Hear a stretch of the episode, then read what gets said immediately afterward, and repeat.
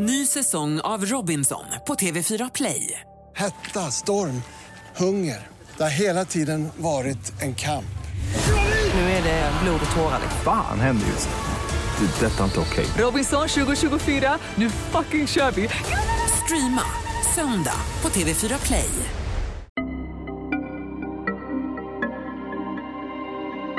Bakom varje uppklarat brott finns det vardagshjältar, poliser som inte ger upp, som tröskar igenom alla fakta och som till slut kommer fram till sanningen. Under alla år som jag har gjort Efterlyst har jag träffat hundratals brottsoffer som alla vill ha upprättelse genom att den skyldige ställs till svars. Jag har också träffat hundratals brottslingar som i många fall trodde att de skulle klara sig, i alla fall i den stund de utförde brott. Men den här podden handlar inte om brottsoffer. Den handlar inte om förövare. Den här podden handlar om de som gör sitt jobb. De som ser till att den skyldige åker fast. De som ger brottsoffren upprättelse. Den här podden handlar om utredarna som löste fallen jag aldrig glömmer.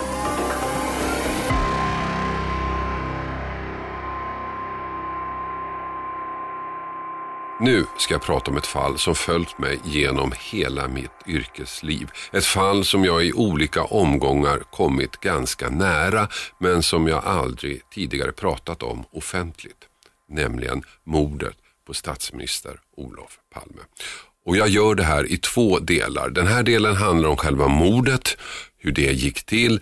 Den andra delen handlar om en misstänkt person som inte är så känd i Sverige, märkligt nog.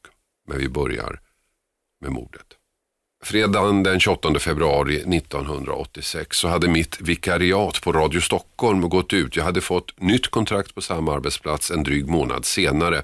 Och den här lediga månaden skulle jag tillbringa i Australien.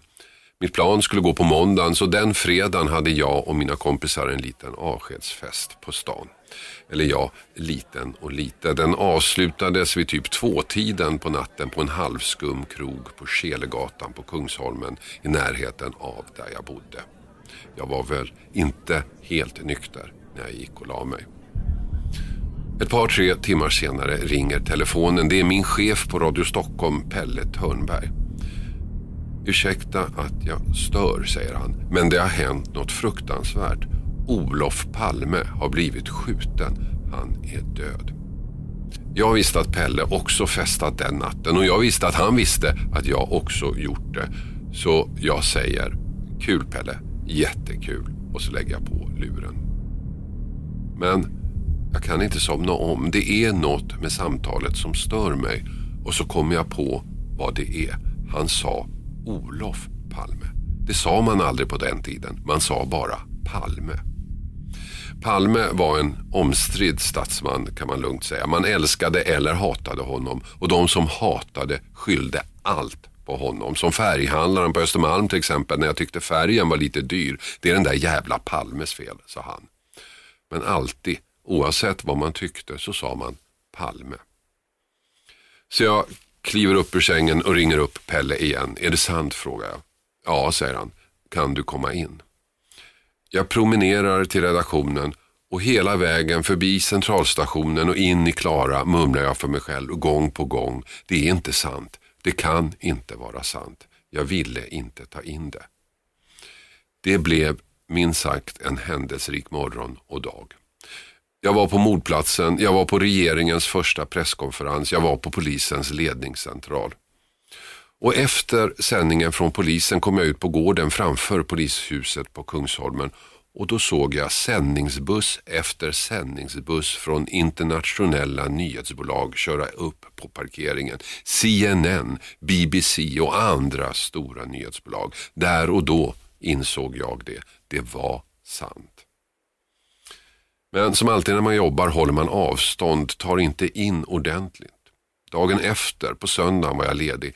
Tillsammans med min kompis Lennart går jag till mordplatsen och ser det enorma blomsterhav som bildats. På eftermiddagen går vi på minnesgudstjänst. Kyrkan är helt full, liksom alla kyrkor i hela landet den dagen tror jag. Det är då känslorna hinner ifatt och tårarna kommer. Vår statsminister har blivit mördad. På måndagen åker jag till Australien, så begravningen, alla presskonferenser och gripandet och frisläppandet av den första misstänkte, Viktor Gunnarsson, följer jag via australisk media. När jag kommer hem igen fortsätter jag på Radio Stockholm. Sen får jag jobb på Sveriges Television och därefter på produktionsbolaget Strix. Och det är då ungefär som Christer Pettersson blir aktuell i utredningen och Strix blir i högsta grad engagerad. Robert Aschberg vinner Petterssons förtroende liksom Gert Fylking som också jobbar på Strix. Robert gör en mängd olika program med Pettersson och Gert blir den som får ta hand om Christer i samband med produktionerna.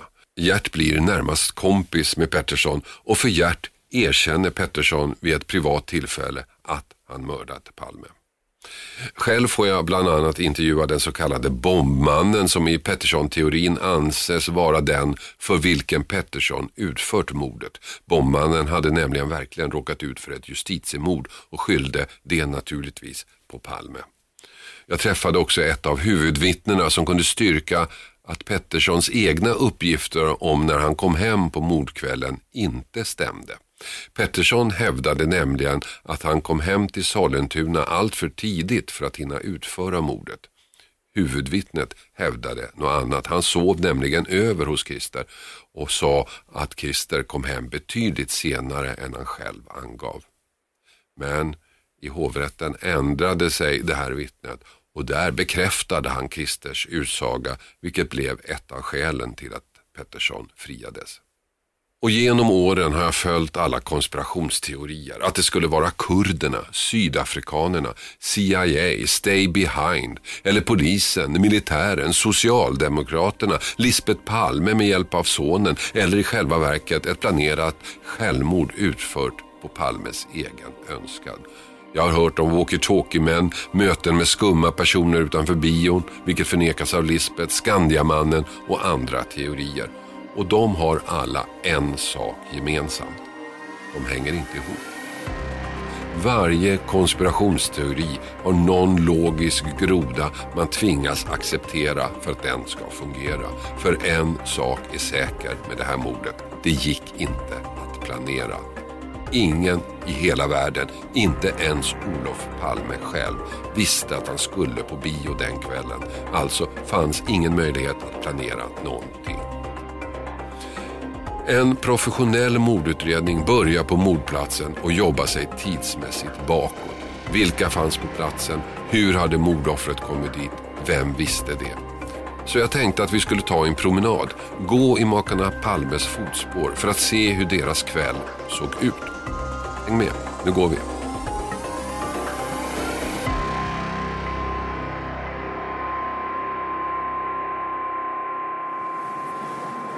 Och vår promenad börjar här på Västerlånggatan 31 i Stockholm. Det är en ganska anspråkslös grön dörr som leder ut från trappuppgången i det hus där makarna Palme bor. Det är den 28 februari 1986. Klockan är ungefär 20.30. Det är kallt, minusgrader, det är mörkt. Makarna Palme kliver ut genom porten på väg till bion.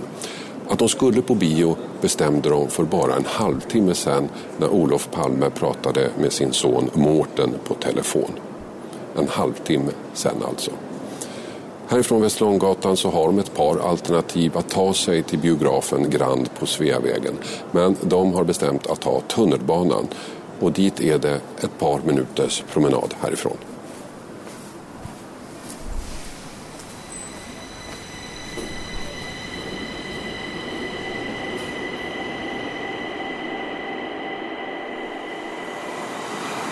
Tågresan till station Rådmansgatan från Gamla stan tar bara några minuter. Det är förstås flera människor som känner igen Olof Palme på tåget. Det finns flera vittnesuppgifter därifrån. Men ingen har sett att någon skulle följa efter makarna. Ingen har lagt märke till någonting märkligt överhuvudtaget. Det var en helt normal tågresa. Nu befinner vi oss eh, på Sveavägen utanför biografen Grand. Eh, makarna Palme kommer väl hit någon gång eh, kvart i nio. ungefär. Filmen börjar strax efter nio. Här träffar de eh, sonen Mårten med fru och tillsammans går de in för att se den här filmen. Och här händer också något intressant för det är flera vittnen som säger sig ha sett en man reagera på ett märkligt sätt när han fick syn på Olof Palme. En man som intensivt följde dem med blicken. Vittnen har också sett en man stå utanför biografen när filmen spelades. Som om han stod och väntade på någon. Filmen eh, slutar eh, ungefär efter 23 någon gång. Eh, Olof Palmans fru står och pratar med deras son ett tag. Sen väljer de att gå hem. De har flera alternativ att ta sig hem härifrån. De kan ta tunnelbanan som de gjorde hit. De kan gå Drottninggatan som är en eh, intensiv gångväg som går hela vägen hem till dem. Eh, men de bestämmer sig att gå Sveavägen. Där och då bestämmer de det. Ingen vet alltså att det är den vägen de ska ta sig hem. Här ser också vittnen, bland annat Mårten Palme, hur en man tycks följa efter Olof och Lisbeth Palme på deras väg på Sveavägen. Alla de här iakttagelserna av en man kan ju naturligtvis röra sig om olika män. Men signalementet är ganska likt och alla reagerar på mannens mörka ögon och intensiva blick. Om det är samma man som alla vittnen sett, vi pratar om över 20 vittnen, om det är samma man alla sett så är det den så kallade Grandmannen som kommer att bli central i utredningen. Makarna Palme går alltså Sveavägen fram på västra sidan, passerar eh, Adolf Fredrik kyrka och fortsätter mot Gamla stan.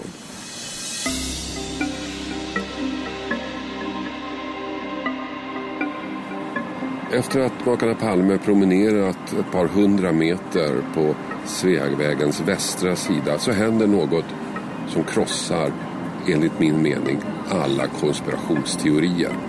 De bestämmer sig där och då att korsa Sveavägen och gå över på den östra sidan istället. För Lisbeth Palme vill titta in i ett skyltfönster på den sidan. Det beslutet fattar de där och då. Det finns alltså ingen möjlighet att någon kan stå och vänta på dem på andra sidan Sveavägen på korsningen Tunnelgatan eftersom ingen, inte ens makarna Palme, förrän här och nu vet att de kommer att gå den vägen.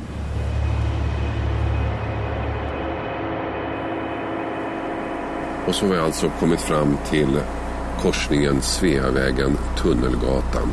En plats dit ingen visste att Olof Palme skulle komma den kvällen. Inte ens han själv. En plats han och Lisbeth helt slumpmässigt har valt. Klockan är 23.21 när gärningsmannen kommer fram bakom makarna Palme och skjuter två skott på nära håll. Det första träffar Olof Palme i ryggen, det andra snuddar vid Lisbeth Palmes rygg.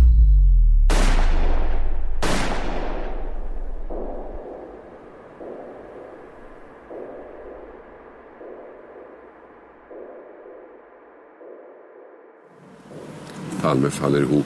Lisbeth Palme böjer sig ner över sin döende make. Tittar upp och ser hur gärningsmannen tittar mot dem innan han vänder ryggen och försvinner Tunnelgatan österut. Tar trapporna upp mot Malmskillnadsgatan. 89 trappsteg. Sen är han borta.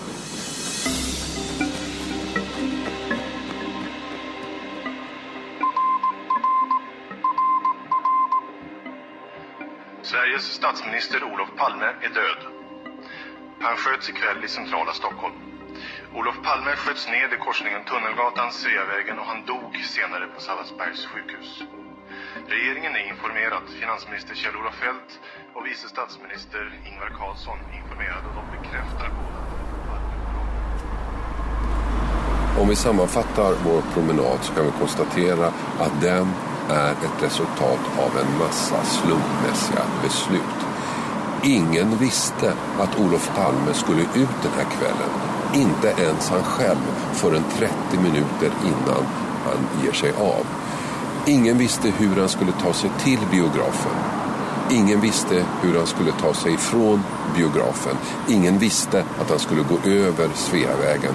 Så det fanns alltså ingen möjlighet att vänta på honom på mordplatsen. Det fanns inga möjligheter för några walkie-talkie-män, någon Skandiaman eller någon annan att förutse vilken väg Olof Palme skulle gå. Allt det här talar mot att det skulle finnas en konspiration med en yrkesmördare med i spelet.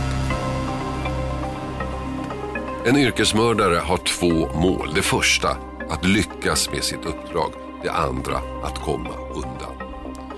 Och det här innebär noggrann planering, att man väljer en tidpunkt och en plats där man vet att offret kommer att befinna sig och sen noga rekognosera den platsen för att hitta bästa stället att utföra dådet på och också att hitta en bra flyktväg. Helst också en alternativ flyktväg. Vapnet som används släpps direkt. Mördaren vill ju inte bli påkommen med det. Det är ändå utvalt på ett sådant sätt att det inte går att spåra. Och mordet kan utföras på två sätt. Antingen på långt avstånd med gevär som mordet på USAs president John F Kennedy. Fördelen är att avståndet gör flykten säkrare. Nackdelen är att det inte är säkert att skottet blir dödande. På nära håll är det enklare. Mördaren skjuter tillräckligt många skott för att försäkra sig om att offret dör. Men då blir ju flykten mer komplicerad. Då är det extra noga att man haft tid att undersöka omgivningarna. Ingenting av det här stämmer på Palmemordet. Ingen visste att han skulle ut den kvällen.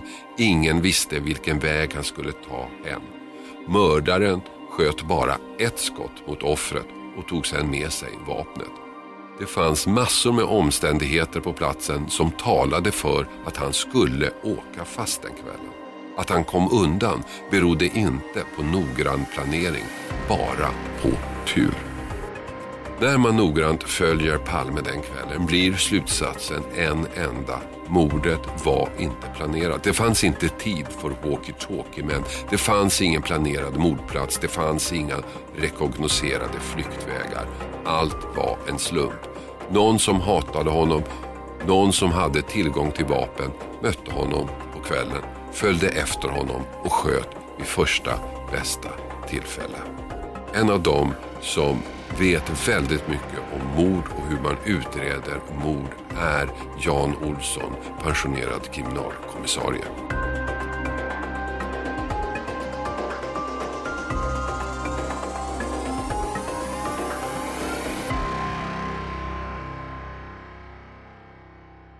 Ja, Jan Olsson, välkommen till min podd. Eh, jag vet ju vem det är, men du kanske ska börja med en introduktion. Berätta om vem du är och mm. eh, vad du har jobbat med.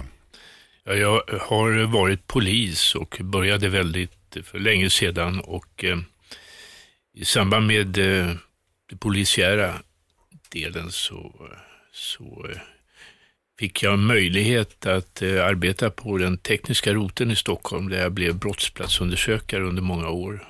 Det var nästan 30 år och eh, jag blev senare chef där för, för fältavdelningen och eh, ansvarig för undersökningar av alla grövre brott i Stockholm. Mm. Senare så blev jag förflyttad till Rikskriminalpolisen där jag blev chef för en nytillsatt grupp. Den heter Gärningsmannaprofilgruppen. Det är en grupp som fortfarande existerar ungefär på samma sätt. Mm. Och den, ut, den gruppen jobbar utifrån att man utifrån det som har hänt försöker skapa sig en bild av vem person, den här okända personen är som gjort det. Ja, det kan man säga att det är väl grunddelen i det. Men den viktigaste delen i den här gruppen, det är att man går in i, som vad vi poliser kallar spaningsmord mm. och gör en analys av hela materialet. Och då kan vi hitta uppslagsändar och annat som man inte har sett tidigare. Mm. Så vi kan förhöja kvaliteten i de kriminaltekniska eller de polisiära utredningarna runt om i landet. Mm. Och det gjorde vi då och det görs nu också. Det här innebär att du var inblandad i många av de mest liksom, uppmärksammade fallen på den tiden? Ja, det kan man säga. Ja. även när jag, när jag arbetade i Stockholm så handlade det ju om eh, det som eh, en, handlade bland annat om en terrorist som heter Kröscher, Mm, som det. går långt tillbaks. Och sedan en person som sprängde folk i luften. En eh, utpräglad terrorist egentligen. Och eh, sedan eh, arbetade jag i laserärendet också. Just det. Och så var du med i kvickärendet, men där hoppade du av. Ja, jag var, det var när jag var på Rikskriminalen så fick jag ansvar för kriminaltekniska bearbetningen av allt material i, eh, när det gäller kvickärendet. Och eh, efter ett tag så kände jag att eh, det här, det här blev, var inte riktigt, framförallt när jag var med på rekonstruktioner, där jag såg att eh, det här visar ju att han har inte gjort detta, men ändå så fick han, när han misslyckades, göra om rekonstruktionerna för att det skulle passa. Och efter det så skrev jag till åklagaren och sa att jag, min rättskänsla förbjuder mig att fortsätta och jag slutade där. Mm. Och sen gick ju det som det gick, men vi ska inte prata om det, utan det vi ska prata om är Palmemordet. Men om, om, man, om man då börjar, om du kort skulle först förklara, för du jobbade då, du jobbade då utifrån eh, eh, brottsplatsundersökningar. Vad, är- när det händer ett mord, hur, hur går utredningen till? Vad, vad, vad gör man? Vad är, vad, vad är syftet i början? Ja, eh, ett, en väsentlig del är ju, är ju självklart att säkra brottsplatsen. Att den blir ordentligt skyddad. Så att man kan eh, bearbeta den i lugn och ro. Och sedan så handlar det ju om att eh, samla upp människor som finns runt omkring. Att få information från dem. Att så snabbt som möjligt få information om dem. Det uttrycks ibland eh, i eh, ja, utredningar att polisen knackar dörr. Man går alltså runt i området och, eh, och eh, lyssnar med människor som kan förklara något egendomligt de har sett och som kan ha varit användbart. Syftet är väl att liksom steg för steg få en bild av exakt vad som hände. Jo visst, det, det är ju viktigt. En brottsplatsundersökning, man kan säga att man har ett antal syften med den.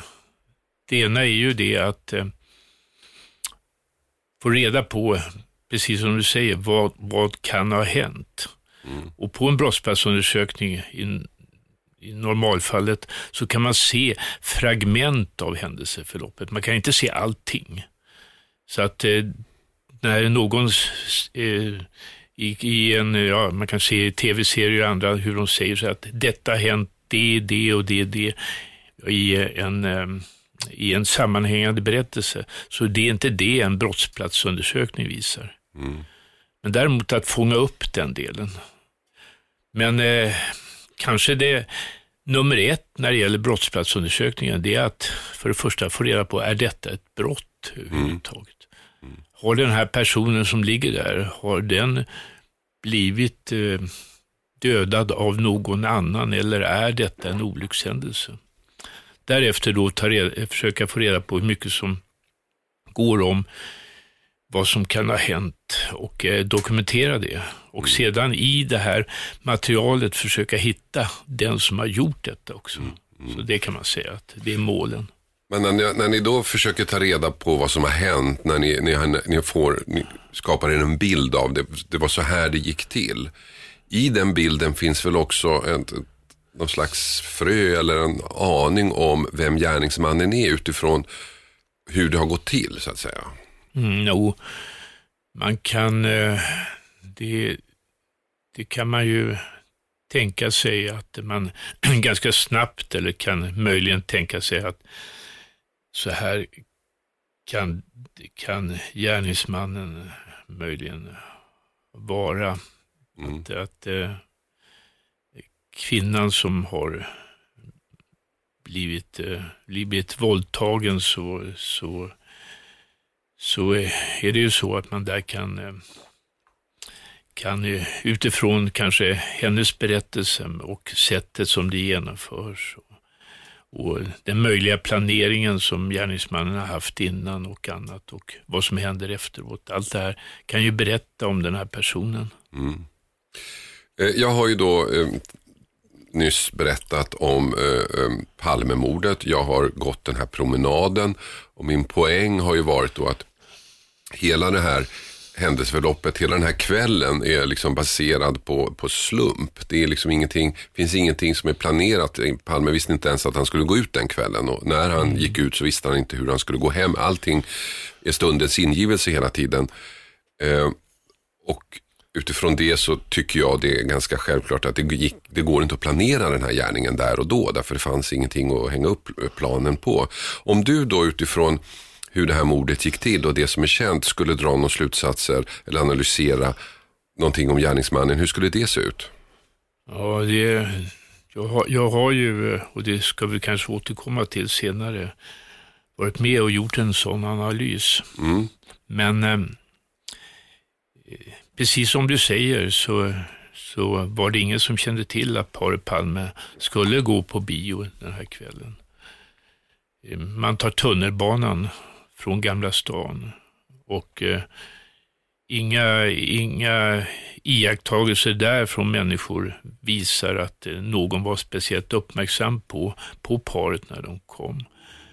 Vad däremot man möjligen kan komma fram till är att eh, när de kommer in i själva eh, biografen så finns det en människa där som tittar intensivt på dem. Så pass så att eh, folk känner det. Alltså det blir en, man, man har i alla fall i efterhand talat om det, att det, där finns det en person.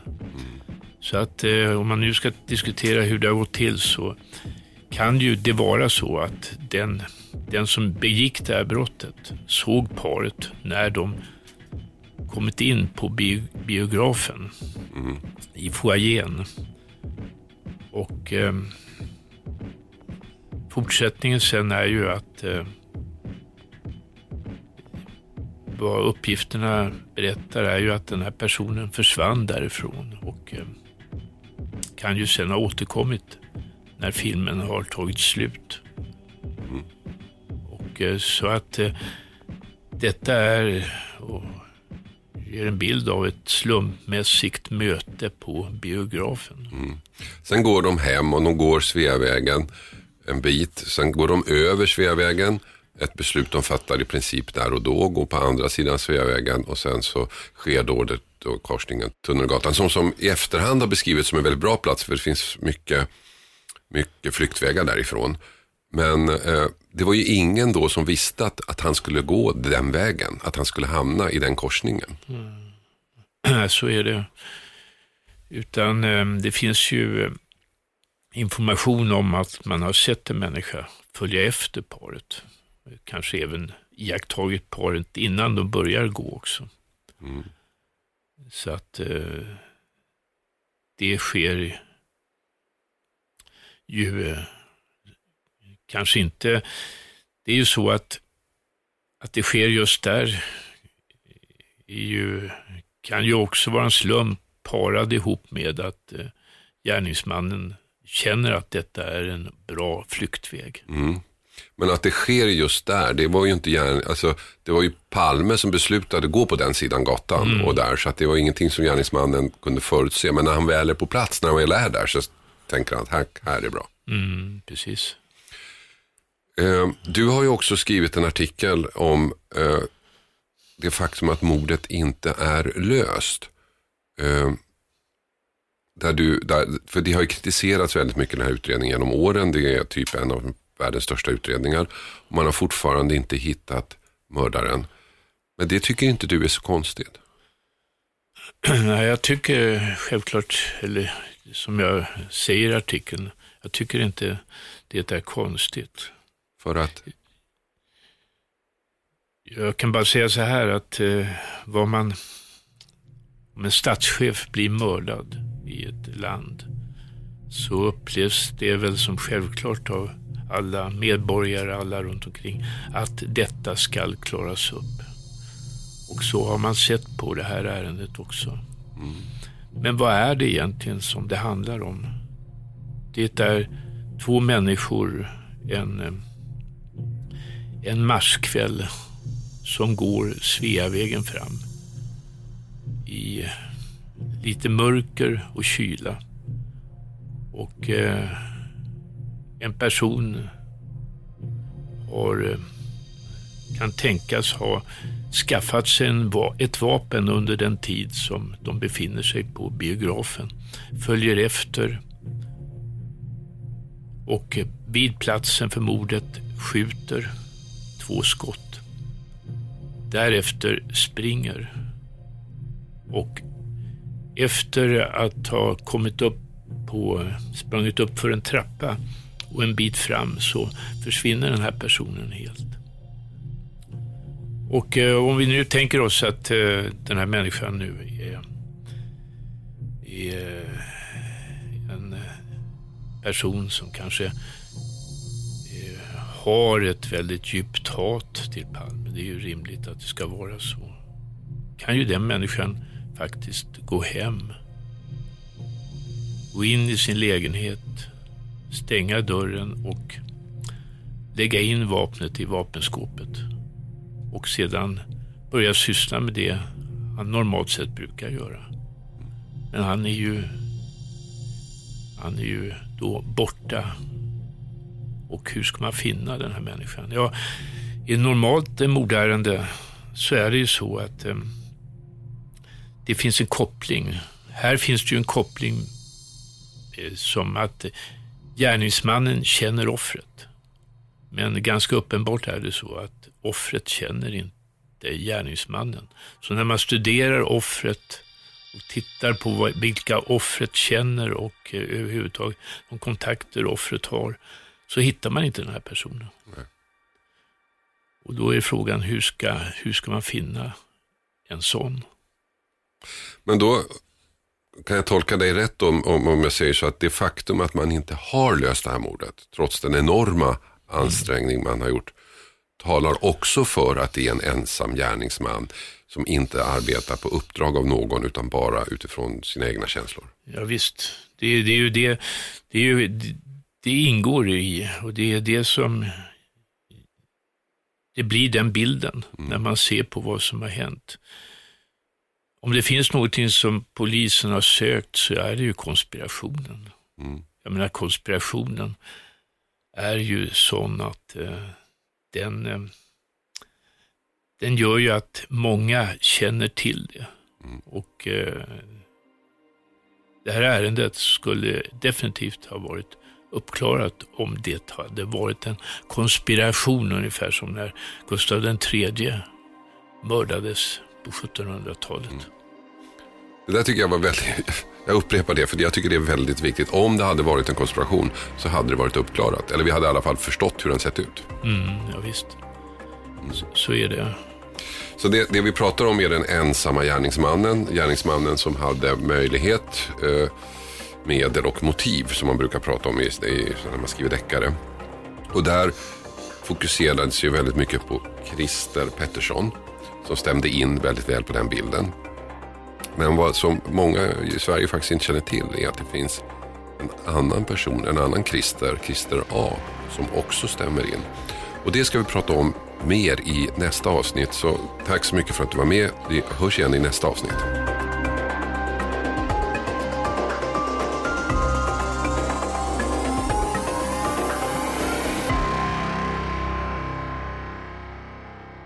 Berätta gärna om fallen jag aldrig glömmer för dina vänner så att fler får chansen att lyssna.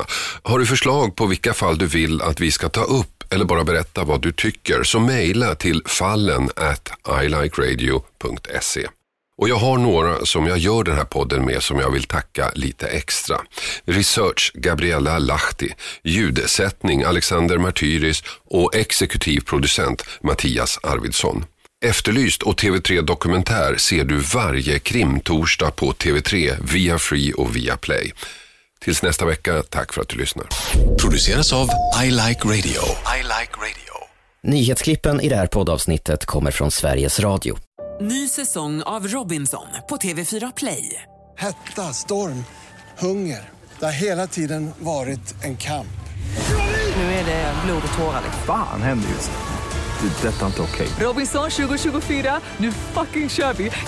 Streama söndag på TV4 Play.